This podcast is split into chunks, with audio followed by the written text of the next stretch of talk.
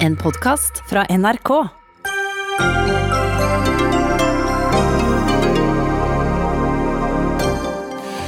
Unngå alle arrangementer med over 500 deltakere, sier Folkehelseinstituttet. Enda sterkere tiltak settes nå inn for å unngå spredning av koronavirus. Regjeringens strakstiltak mot koronaviruset viser for lite lederskap, kritiserer opposisjonen. Og hvor mye hjelp er det egentlig i at noen skal få utsatt formuesskatten?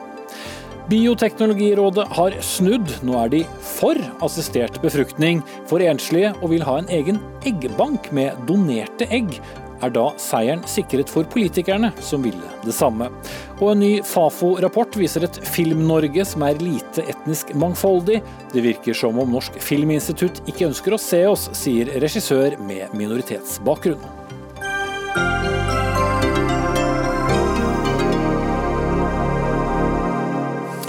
Sier vi velkommen til tirsdagens Dagsnytt 18. Jeg heter Espen Aas, hvor vi også skal innom årets lønnsoppgjør, som eh, heller ikke blir virusfritt. Men først skal vi sette over til Folkehelseinstituttet, som sammen med Helsedirektoratet og helseminister Bent Høie akkurat nå har en pressekonferanse. Både tidligere dager, men ikke minst òg i dag, eh, hvorfor vi ikke har kommet med mer inngripende tiltak tidligere. Det er basert på gode faglige vurderinger fra Helsedirektoratet og Folkehelseinstituttet. Som eh, ansvarlig politiker kan det selvfølgelig av og til være fristende å overprøve de og komme med mer inngripende tiltak for å virke handlekraftig. Eller å si at eh, en ikke skal gjennomføre tiltak fordi en er bekymra for at det eventuelt skulle ha eh, spredd unødvendig bekymring i befolkningen. Begge deler ville vært feil. Denne type tiltak må basere seg på gode faglige vurderinger og innføres på det tidspunktet de er riktig.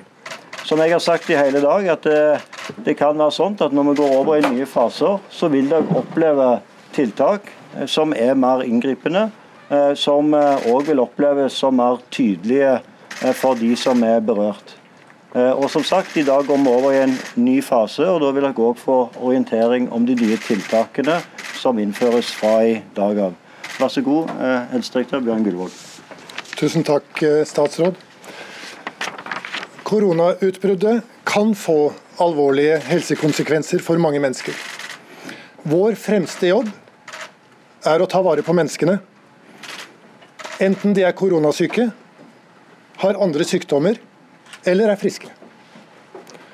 Derfor er våre viktigste mål å begrense spredningen og bygge kapasitet i helsetjenesten og i samfunnet. De siste ukene har kommunene og sykehusene i samarbeid med Folkehelseinstituttet lagt ned en stor innsats i å spore opp alle som er smittet, og deres nærkontakter. Dermed har vi fått muligheten til å unngå videre smitte i mange smitteforløp ved å sette folk i karantene. Nå er vi over i en ny fase. Vi har det siste døgnet fått de første tilfellene av smitte som ikke kan spores.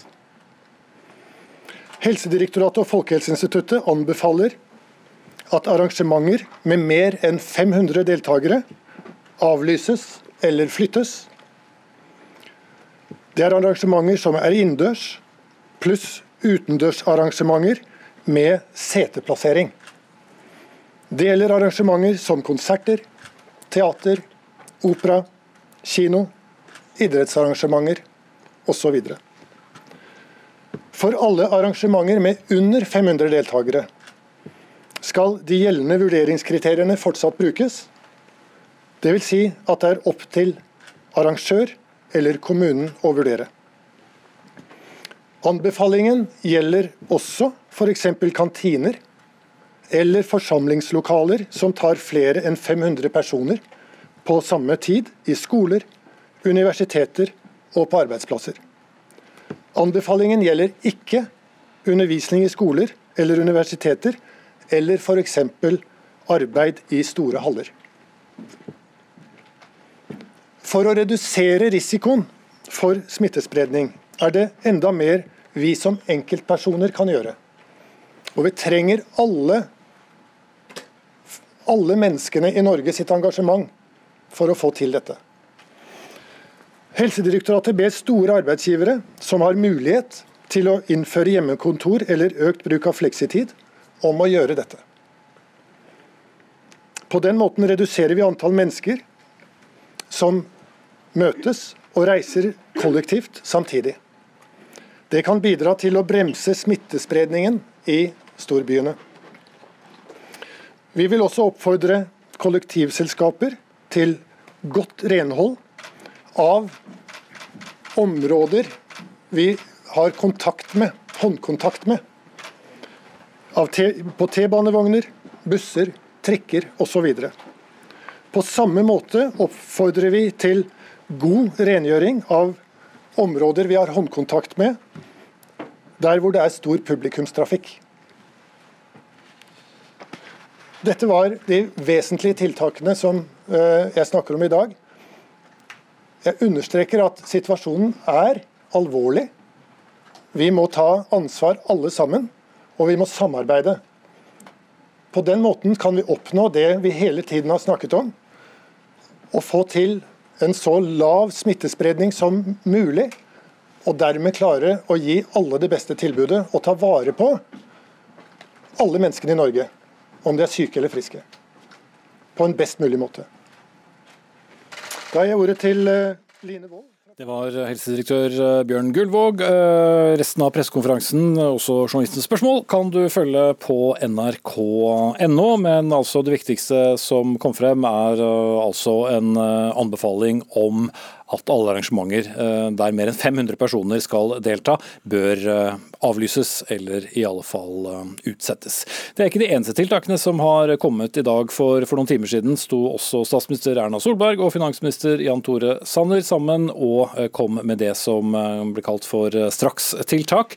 Det innbefatter endring i permitteringsreglene, underskudd som kan tilbakeføres mot gamle overskudd, og bedrifter med underskudd, ja der kan eiere få vente med å betale formuesskatten sin. Eh, Jan Tore Sanner, eh, hvorfor er det dette vi trenger nå?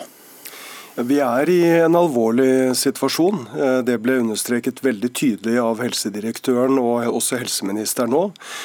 Og Det aller viktigste tiltaket det er å følge deres råd.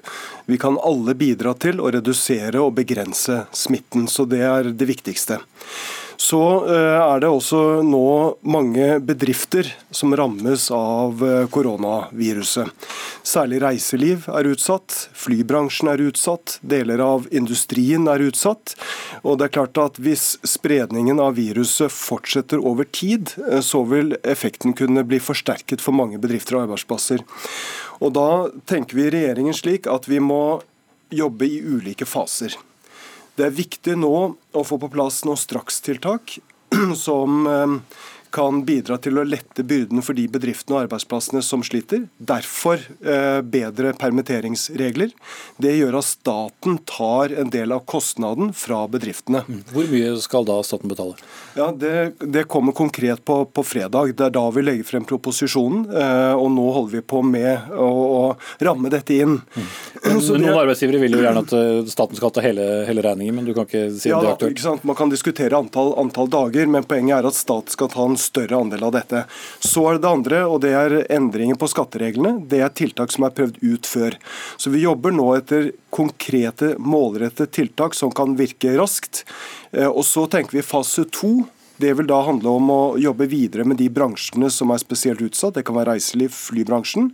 Og hvis dette blir langvarig, Dvs. Si at veksten går ned og arbeidsledigheten går opp. Så er vi klare med å iverksette tiltak som også kan stimulere til vekst i økonomien. Vil det også handle da f.eks. om, eh, om skattelettelse eller utsettelse av eh, innbetaling av skatt osv.? Altså, vi har god erfaring med å håndtere denne type kriser og tilbakeslag. Det gjorde man under finanskrisen. Da var det Arbeiderpartiet som satt i førersetet. Det gjorde vi også da oljeprisen falt. Da satt vi i førersetet. Så vi har god erfaring.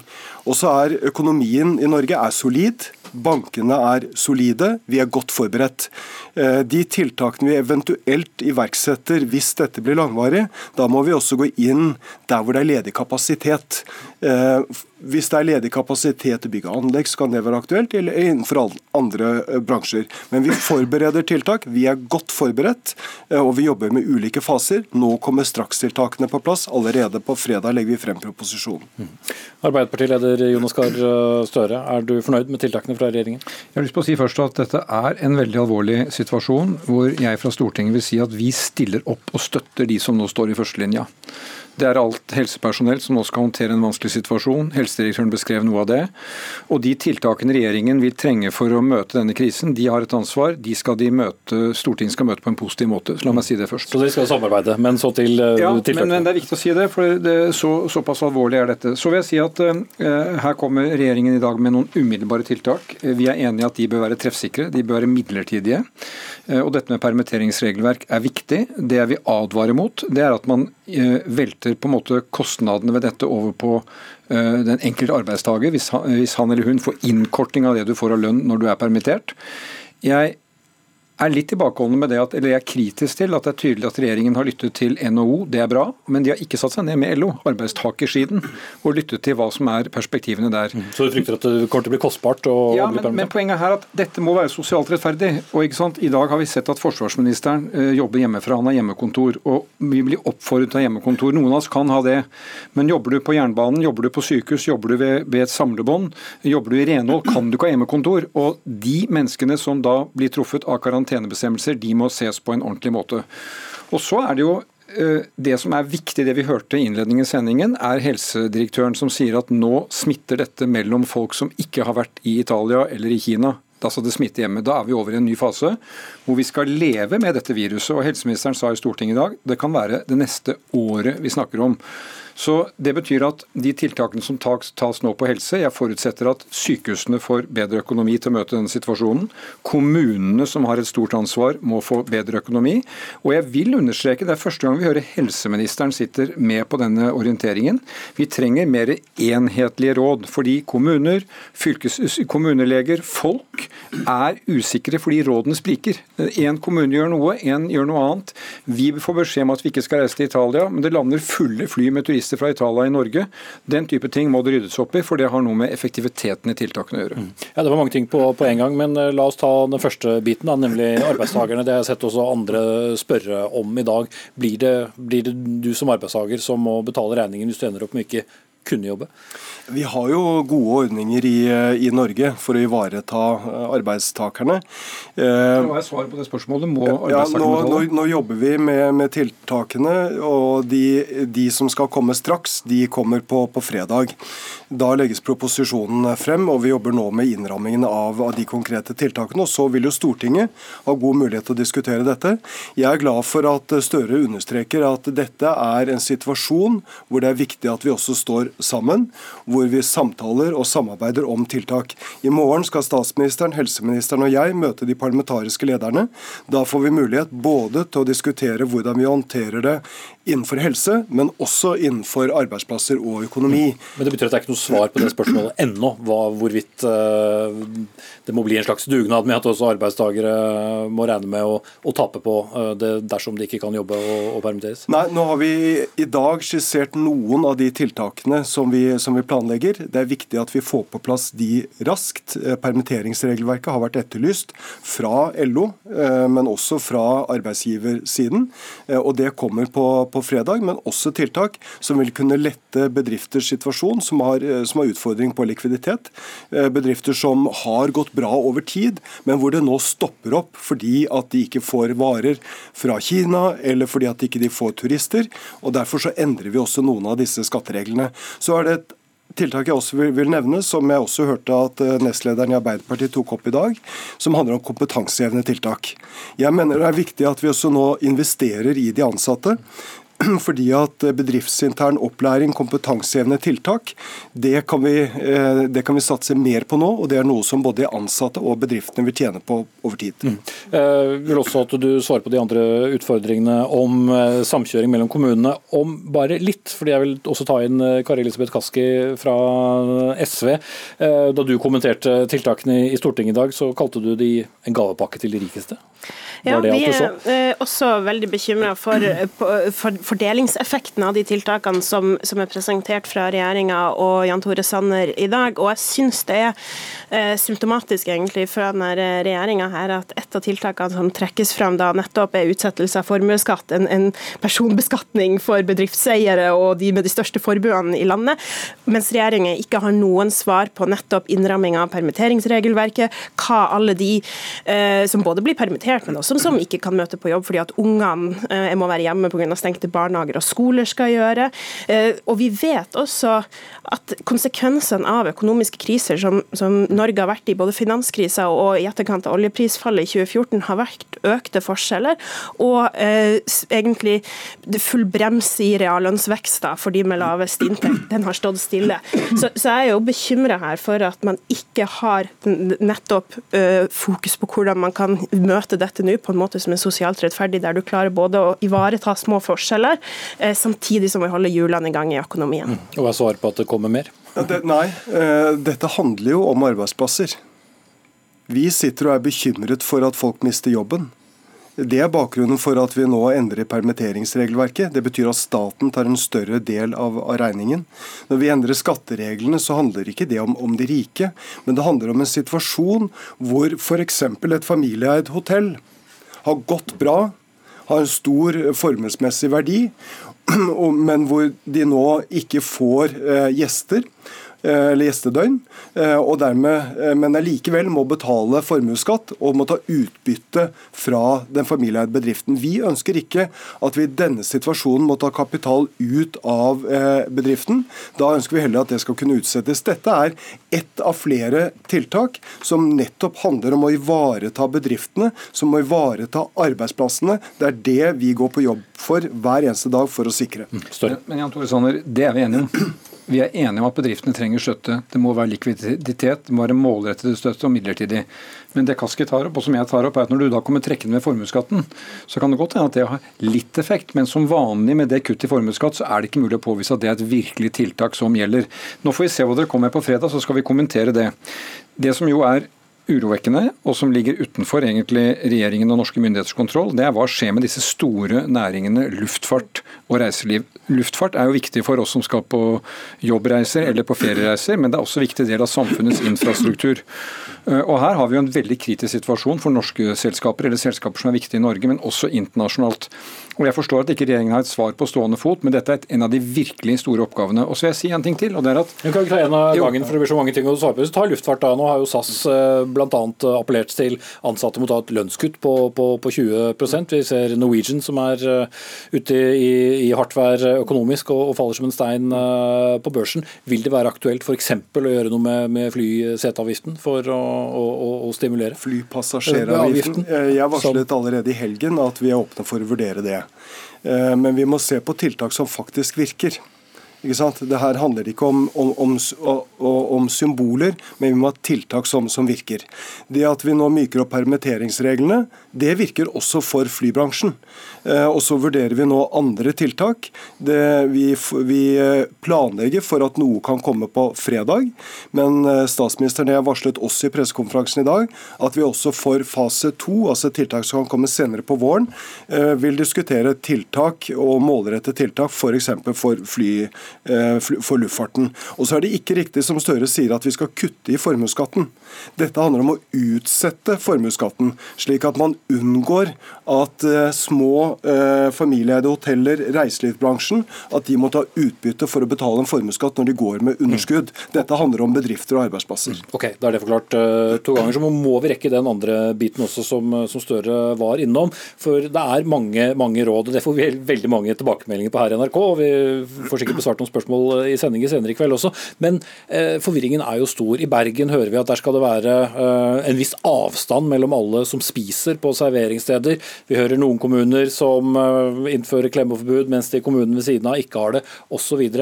Hvorfor tas det ikke et klart politisk lederskap og sier at sånn skal det være over det hele? Dere poengterte jo på, på pressekonferansen i dag at dere tiltok ansvar, men, men ved å delegere egentlig da ansvaret til kommunene, kunne det ikke vært sentralisert? Ja, Vi eh, er opptatt av at de rådene som gis, at de er faglig basert. Eh, det er to tilnærminger til dette. Man kan tenke seg en situasjon hvor det er politikerne som, bestemmer hvilke råd som skal gis.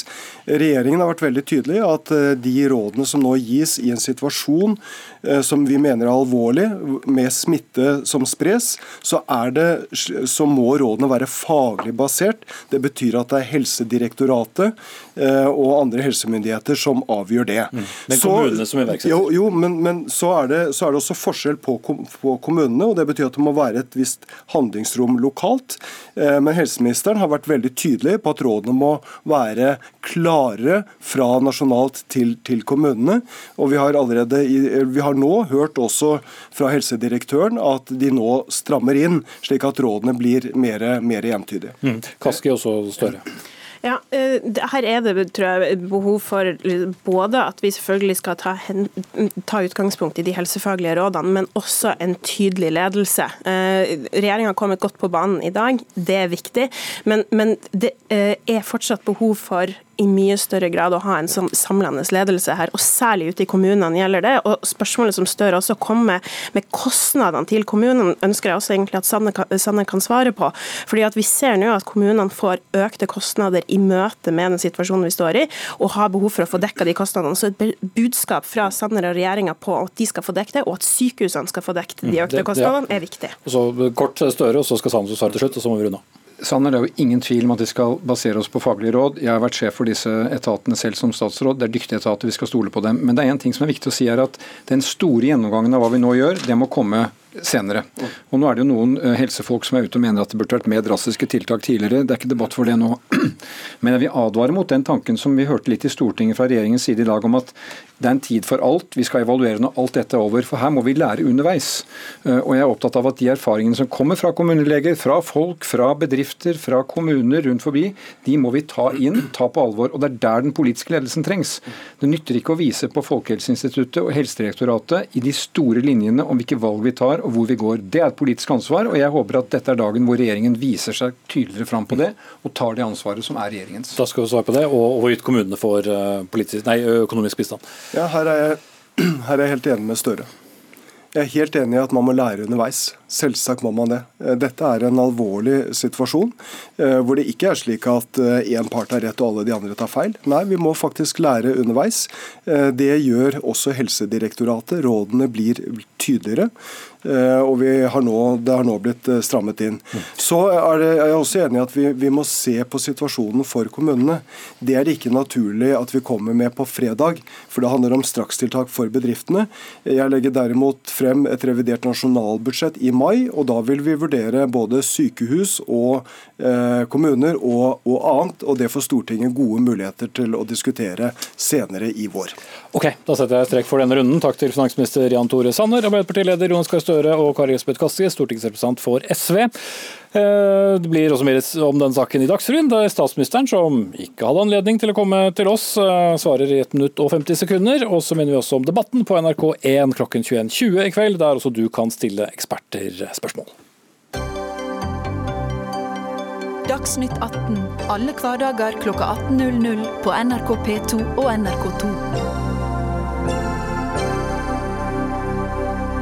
Og så blir det mer om korona når vi skal diskutere lønnsoppgjøret litt eh, senere i sendingen. Men så til en eh, annen nyhet som eh, mange har vært veldig opptatt av både i dag og for så vidt i mange politiske debatter forut for det. For med et knapt flertall snudde Bioteknologirådet i dag og sier nå ja til at enslige bør få tilbud om assistert befruktning, og at eggdonasjon skal være tillatt i Norge på lik linje med sæddonasjon.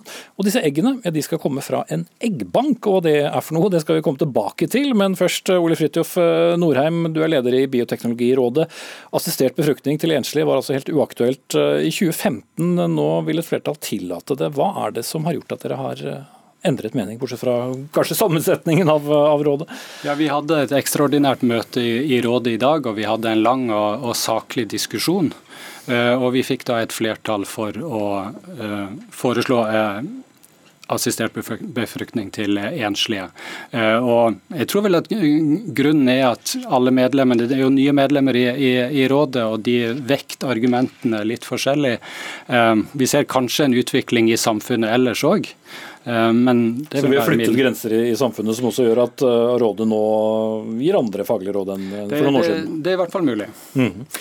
Eh, Tuva Moflag, du er medlem av helse- og omsorgskomiteen på Stortinget med alle sine konsonanter for Arbeiderpartiet. Er dette en dag å, å, å feire for dere som har vært tilhengere av dette?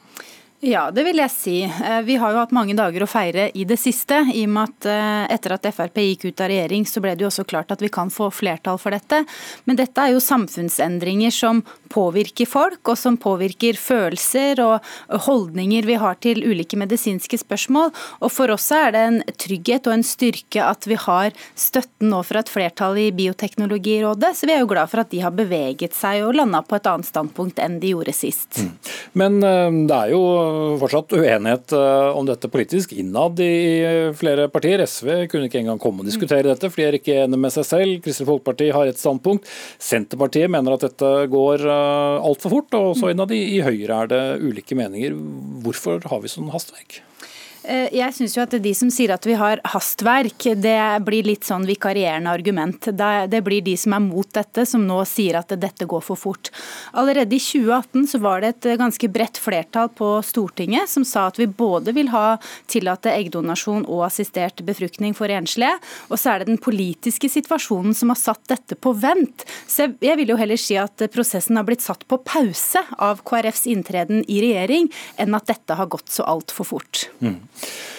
men er det også viktig for deg og ditt parti at eh, det skjer noe nå? Fordi vi kan jo se for oss at dette kan bli forsinket eh, dersom det skulle bli en regjeringsendring og dere skulle komme i regjering med Senterpartiet, som har litt bedre tid. Det er ikke noe tvil om at det er nå dette må skje. Fordi at både KrF og Senterpartiet har mer konservative standpunkt i dette spørsmålet. Så enhver flertallsregjering som inneholder et av disse partiene, vil jo da kunne støte på problemer knytta til både eggdonasjon og assistert befruktning for enslige. Så det er når vi har en mindretallsregjering at vi kan få til disse endringene, som det jo er bredt flertall for både på Stortinget og i befolkningen. Så vi er glad for at den muligheten har åpna seg nå. Mm. Morten Magelsen, du er førsteamanuensis i medisinsk etikk ved Universitetet i Oslo, og tilhørte da de som ikke vant eh, frem eh, i dag. Hvordan eh, ser du på, på dette, at din side i rådet måtte tape denne saken? Ja, jeg syns jo det er synd, men det er klart at i Bioteknologirådet så har vi jo den viktige rollen at vi er med og får fram argumentene og vekter dem og viser dem fram, slik at vi kan spille dem inn til samfunnsdebatten og gjøre samfunnsdebatten rikere. Og så tenker jeg at Det viktige er ikke da egentlig hvordan flertallet og mindretallet lander i Bioteknologirådet. Det viktige er at vi har den samfunnsfunksjonen og får fram argumentene. Og så må vi akseptere at det er politikerne som tar beslutningene. Jo, øh, men da har jo dere hatt eh, et standpunkt som var rådende tidligere. Nå har det flyttet seg. og Litt av argumentasjonen er altså at samfunnet har flyttet seg. Mm. Av de som jeg har hatt dette studiet som har advart, har jo nettopp sagt jo, men åpner vi for én ting, så kommer vi til å åpne for det neste neste gang. Og Det er mm. kanskje akkurat det som eh, har skjedd her. Frykter du da for at ved å åpne for dette, at vi kommer til å gå enda et steg videre, si om nye år? Ja, Mange sier jo det at ved å åpne for eggdonasjon, så har vi fjernet en viktig skranke for surrogati. Og da, At det da blir et åpent spørsmål om det fortsatt er prinsipielle argumenter som gjør at vi i neste omgang kan si nei til surrogati. Og også det at vi sier ja til assistert befruktning for enslige kvinner. Eh, noen sier det er et viktig likestillingsargument, men det tror jeg ikke er helt riktig. fordi eh, man har da en forskjellsbehandling av kvinner som uten partner skal kunne få assistert befruktning. Hva da med enslige menn? Så det kan bli et press i retning av surrogati, og det er jeg kritisk til. Mm. Men først og fremst er jeg kritisk til, eh, til, dagens vedtak. Da. Jeg er kritisk til eggdonasjon og jeg er kritisk til assistert befruktning for enslige. Mm.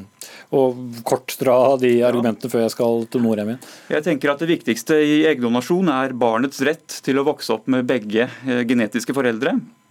Og Ved eggdonasjon så har vi en intensjon allerede fra start om at barnet ikke skal få vokse opp med begge genetiske foreldre. og Det er problematisk. Og Ved assistert befruktning for enslige så blir barnet spesielt sårbart. Barnet trenger to foreldre, barnet trenger mor og far. Og barnet er sårbart når det er én uh, omsorgsgiver. Mm. Uh, og, og, Norheim, uh, når det gjaldt eggdonasjon, da, så var det jo åtte stemmer for og, og sju imot. Så hadde det vært bedre for rådet om eh, dere kunne vist til et, eh, et større flertall, for dere er jo ganske delt? Eh, I, I, rådet er vi glad for at vi har ulike synspunkter eh, representert. så som, som, Morten Magelsen sier, så er det viktig å få frem begge argumentene på, på, på, begge sider. Det som var nytt i dag, var jo at i forhold til det forrige rådet som Kristin Halvorsen leda, eh, så gikk, gikk, flertallet inn for en noe utvida tilgang til donoregg.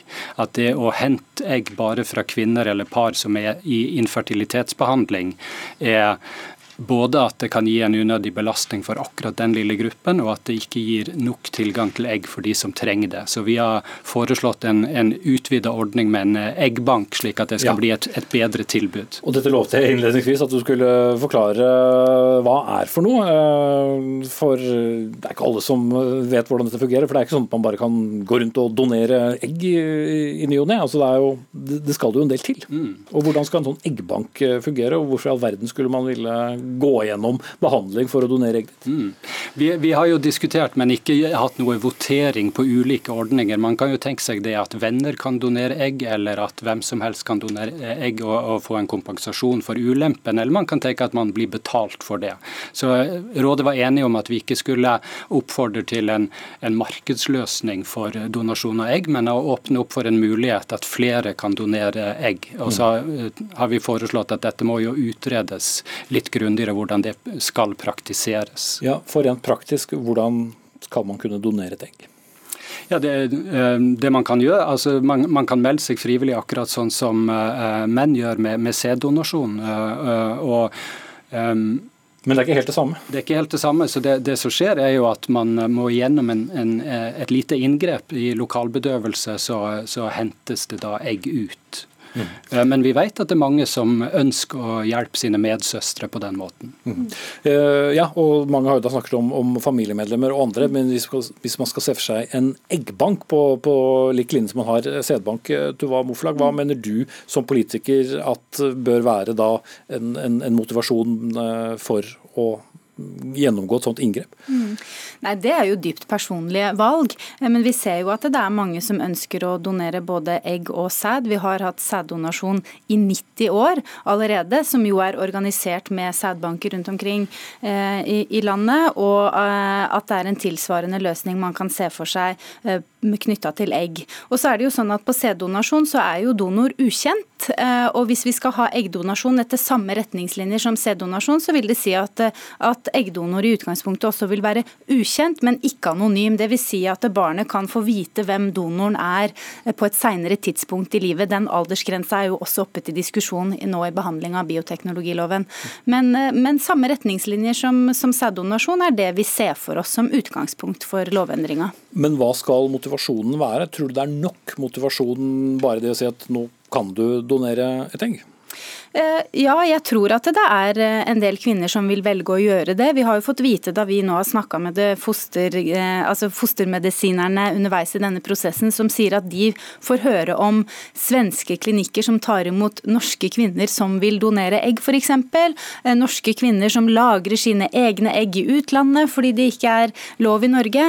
Sånn at her vil nok tilfanget kunne være større enn vi ser for oss i utgangspunktet. Samtidig så ønsker ikke vi at dette skal bli et kommersielt marked. Det er jo ikke sånn at vi skal få eh, så mange egg som mulig for enhver pris. Dette må være frie valg som folk tar når de velger å donere et egg. Mm.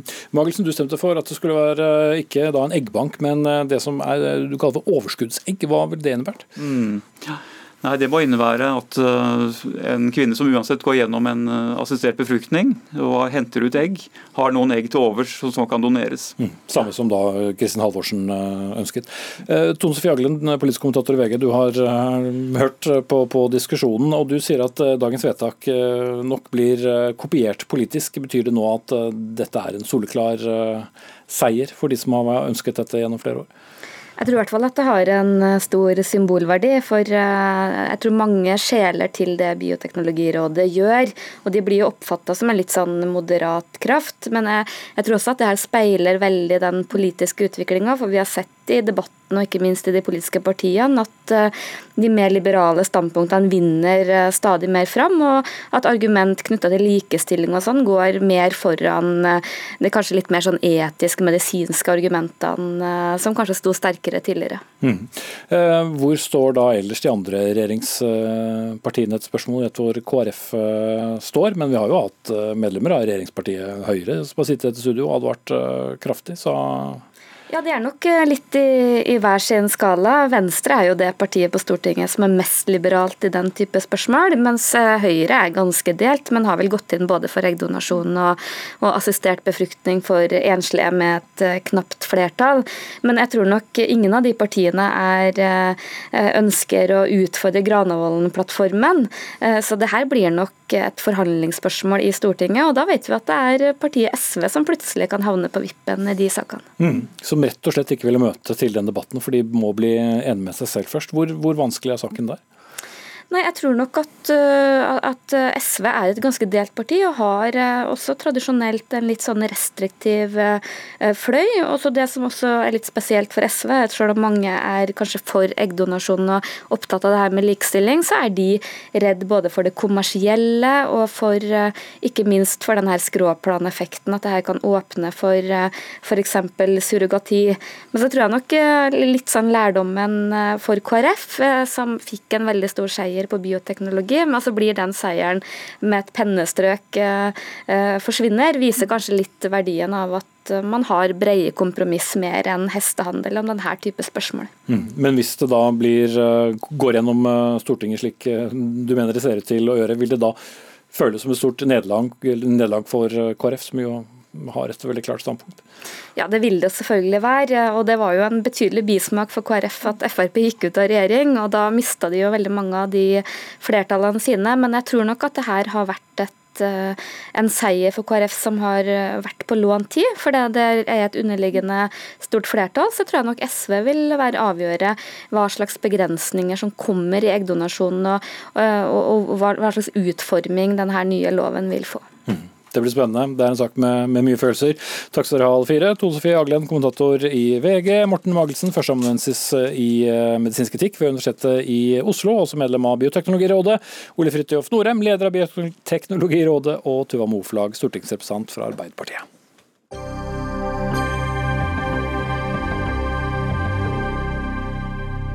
Og midt oppi alle andre nyheter eh, i dag, så har også arbeidstakerorganisasjonen Fellesforbundet og arbeidsgiverorganisasjonen Norsk Industri møttes for å overlevere hverandre krav forut for årets eh, hovedoppgjør. Men dette kan også få sitt preg av koronaviruset. For mens eh, arbeidstakerne krever reallønnsvekst for alle i årets oppgjør, og dermed en ramme på minst 3% så sier du, Stein Lier Hansen, administrerende direktør i Norsk Industri, at det er for høyt og, og sier at det må ikke overstige to.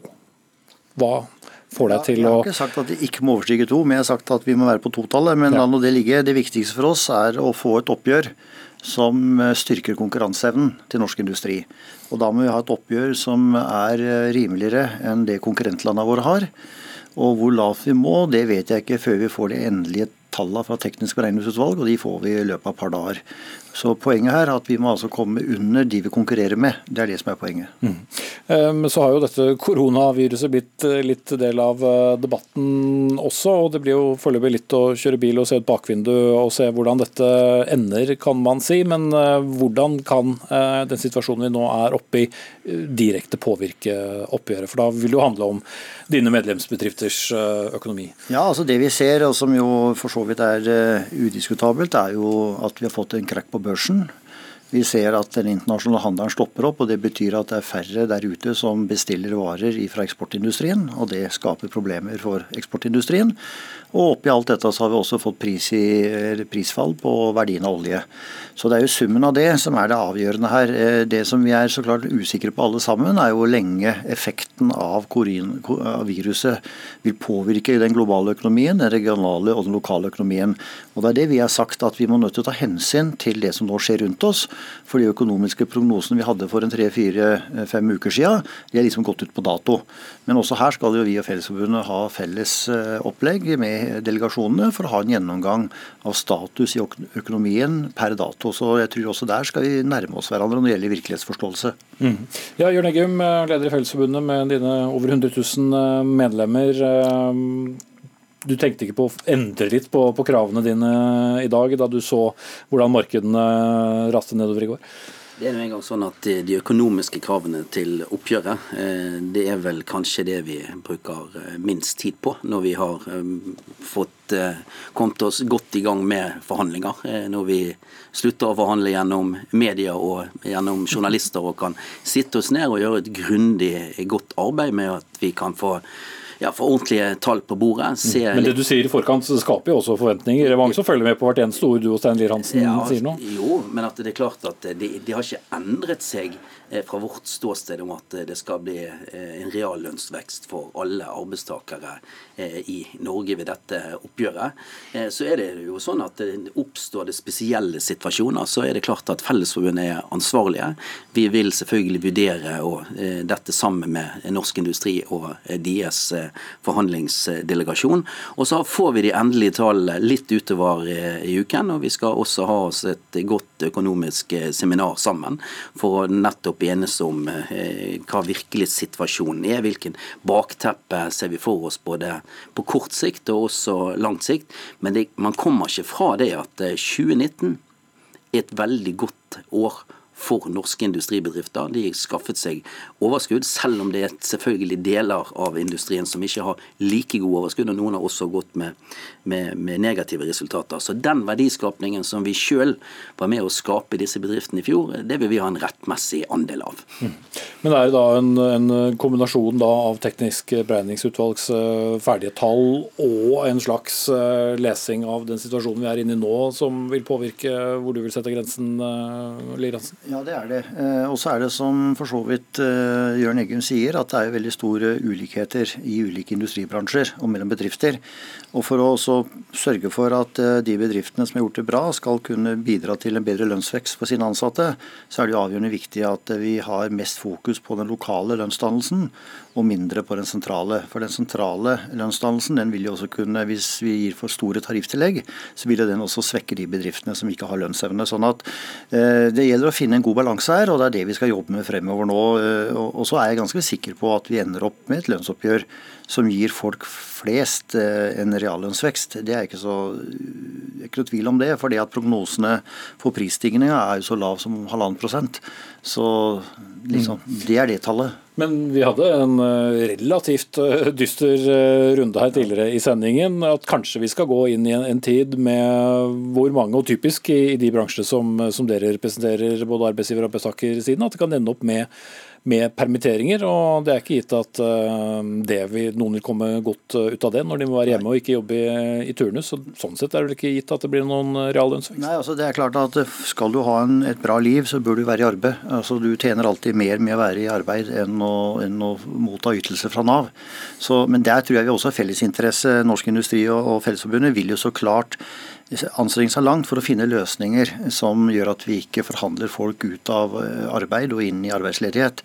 Men eh, det er viktig nå. altså Jeg har aldri opplevd så stor usikkerhet for de, i forhold til de økonomiske rammebetingelsene som i år, nettopp fordi at koronaviruset har ført til store endringer i den globale økonomien. Redusert etterspørsel, resesjon enkelte steder. Og når da også du har den konflikten mellom Russland og OPEC som fører til at oljeprisen faller som en stein, så er det ganske utfordrende for oss som bor i Norge og for oss som skal forhandle lønninger. Mm.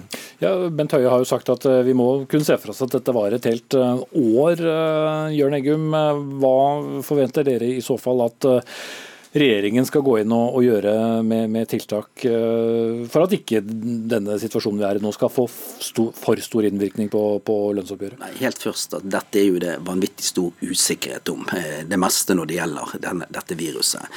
Men i dag så har jo i hvert fall regjeringen meldt seg på. De har uh, varslet at de skal komme med målrettede tiltak nå på, på, fredag. Og det ser vi fram til. For det er klart at noen sektorer er mer rammet enn andre, og de er rammet ganske ganske direkte. og at Hvis du tar eh, hotell, restaurant og reiseliv og flysiden, hvor vi har medlemmer både på begge steder, og industrien som er, er eksportrettet. Bare, men noe av det som vi savner, for det har ikke vært nevnt med et ord i dag, men jeg håper jo det at det viser seg i tiltakene, det er at du får en sosial profil på det, mer enn du får for at alt skal lønne seg i forhold til arbeidsgiverdelen. Det er viktig at de får redusert eh, disse betalingsdagene ved permittering, men det er også karensdager for våre medlemmer når de blir permitterte. Så jeg går ut ifra at regjeringen også ser på det, at det må være et spleiselag, vi må dele på, på, på byrdene der. Og så er det et helt uavklart eh, spørsmål som vi er blitt kontaktet av, eh, av veldig mange av våre tillitsvalgte og medlemmer i dag.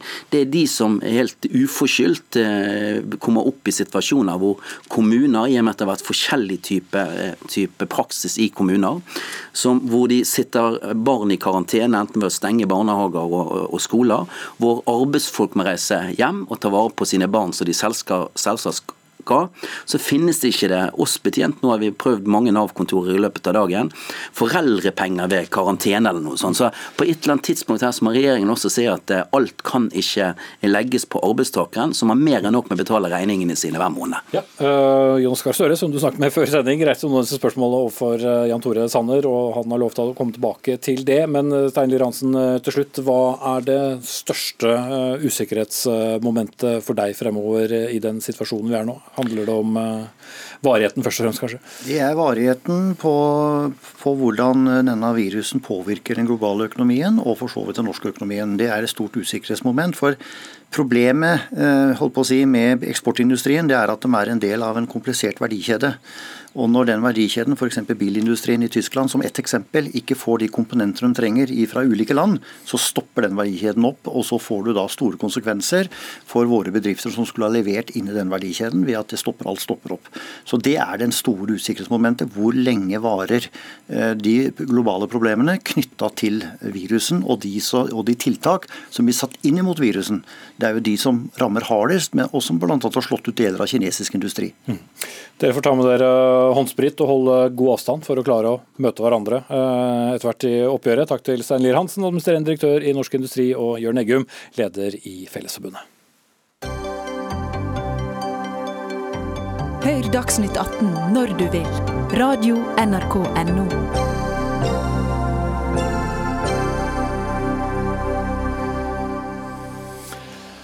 Den eh, årvåkne seer og lytter har eh, kanskje fått med seg at det er noe som heter nominasjonsvalg i eh, USA for tiden. Og i dag så er det valg i hele seks stater. Hos demokratene står nå kampen mellom tidligere visepresident Joe Biden og den selverklærte sosialisten Bernie Sanders om å bli demokratenes presidentkandidat. Og USA-korrespondent Anders Magnus, Joe Biden rykket jo veldig frem i, under denne supertirsdagen. Er det nå blitt et eh, vinn eller forsvinn for eh, Bernie Sanders? Ja, det er nok det. Fordi eh, dette er delstater hvor han må gjøre det bra for å kunne komme seg videre. I neste runde er det bl.a. Florida, og da vet vi at der er han ikke særlig populær pga.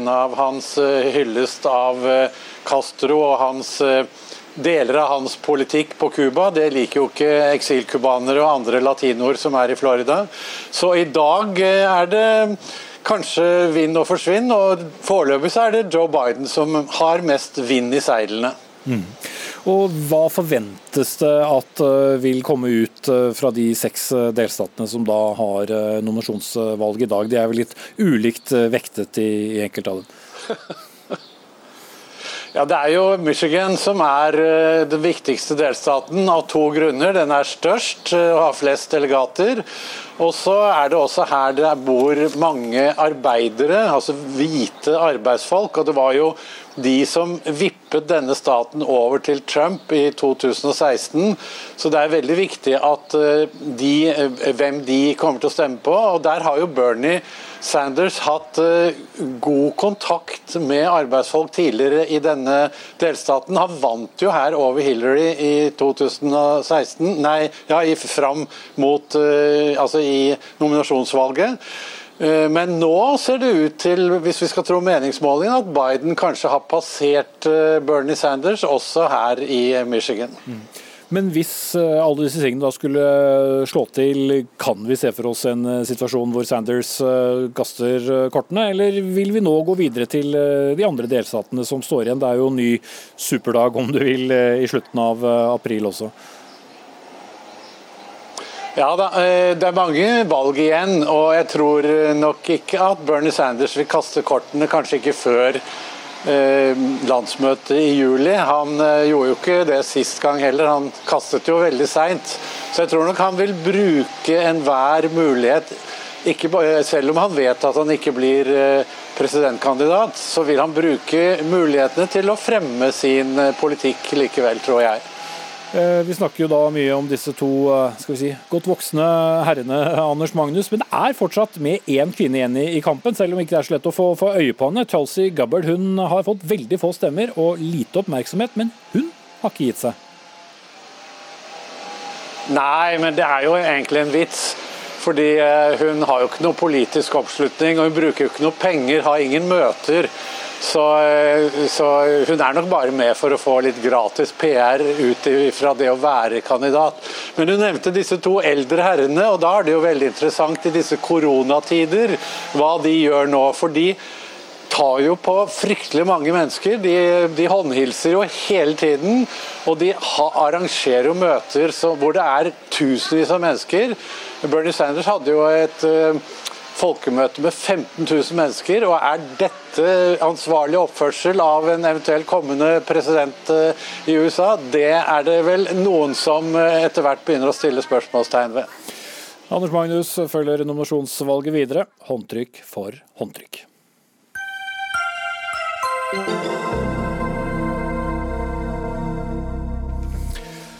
Og som vi programledere elsker å si, vi skal hjem igjen. Kommer ikke filmskapere med minoritetsbakgrunn lenger enn til de såkalte portvokterne i filmbransjen? Vel, hvis man skal tro den nye Fafo-rapporten Øye som ser, mangfold og representasjon i norsk film, som ble lagt frem på mandag, så er det altså slik det stopper der. Det var dere som bestilte denne rapporten, Kjersti Moe, du er direktør i Norsk Filminstitutt, og den slår altså fast at problemet med mangfold kan ligge i det filmbyråkratiet, da, altså dere som tildeler produksjonsstøtte. Hvorfor stopper det der?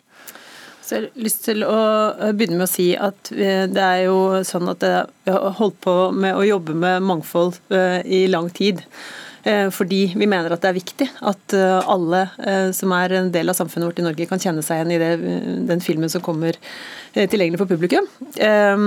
Og som en del av den handlingsplanen som vi har laget, så handler det om å få opp et kunnskapsgrunnlag, sånn at vi skjønner mer om hvor hindringene ligger. Mm. det er gjerne derfor man bestiller ja. rapporter, så der fikk du brukt opp 30 sekunder av taletiden din på først skal du bare si, men hvorfor stopper det? Eh, det rapporten peker på, er jo en opplevelse av eh, Jeg vil egentlig kanskje si at det er to, to viktige poeng. Det ene er øyet som ser, som rapporten heter. Altså at responsen i byråkratiet ikke gjenkjenner eh, seg selv i de søknadene som kommer fra folk med minoritetsbakgrunn. Det andre de peker på, er at det er kanskje en del formalkrav rundt eh, søknadsprosessen og sånn, som eh, er vanskeligere for en del med annen kulturell bakgrunn. Det er kanskje de to viktigste tingene. Altså at folk med minoritetsbakgrunn ikke klarer søknadsprosess? Det er jo en del ting med, med, knytta til, til, språk og formaliteter som, som, kan være vanskeligere, som også gjør at det f.eks. bruker lengre tid osv. Så, videre. mm -hmm. så det er kanskje de to viktigste tingene som de peker på, men som jeg håper, begge deler er knytta til den veien inn. da. Mm. Ali Paranin, du er regissør og, regissør og har flere steder de siste dagene kritisert eh, dette eh, mangfoldet. Er det den virkelighetsbeskrivelsen du deler? Det er for vanskelig å søke om penger, annet? Nei, altså, jeg, jeg, deler ikke den opplevelsen at det er vanskelig å skrive eller utarbeide en søknad og utarbeide fremdriftsplaner og prosjektbeskrivelser. Jeg gjør ikke det. Jeg, jeg har bodd i Norge så å si hele mitt liv. Brødrene mine er født her. Eh, altså, de fleste etniske minoriteter som er filmskapere. De er enten født der eller de er andre eller tredje generasjon. Språk er ikke det store problemet for, for de fleste. Det er institusjoner altså der de skal søke penger, likevel det stopper. Hvorfor mener det at dere ikke kommer lenger? Altså, altså for, det, for, det, første da, eh, Tilbake i 2008 så hadde vi Mangfoldsåret. Eh, og Da skulle vi legge planen for fremtiden at eh, hele befolkningsmassen skulle bli speilet i kunst- og kulturlivet. I 2012 så hadde vi en arbeidsgruppe som Nina Grundfeldt ledet. og da kom det frem og Da kom de basically frem til akkurat de tingene denne Fafo-rapporten viser. At det er underrepresentasjon, at mangfoldet ikke eksisterer i norsk film, film, og TV og audiovisuelle produksjoner. Så det er ikke noe nytt som kommer frem i denne rapporten. Altså Vi har snakket om det her nå, altså det er flere stemmer som har vært aktive og snakket om det her i over 20 år nå. Flere rapporter i arbeidsgrupper har påpekt det her. I i utdelingsbrevet fra Q til NFI så står det at mangfold skal være øverste prioritet. Mm. De, de, lagde en handlingsplan nå eh, i januar i fjor.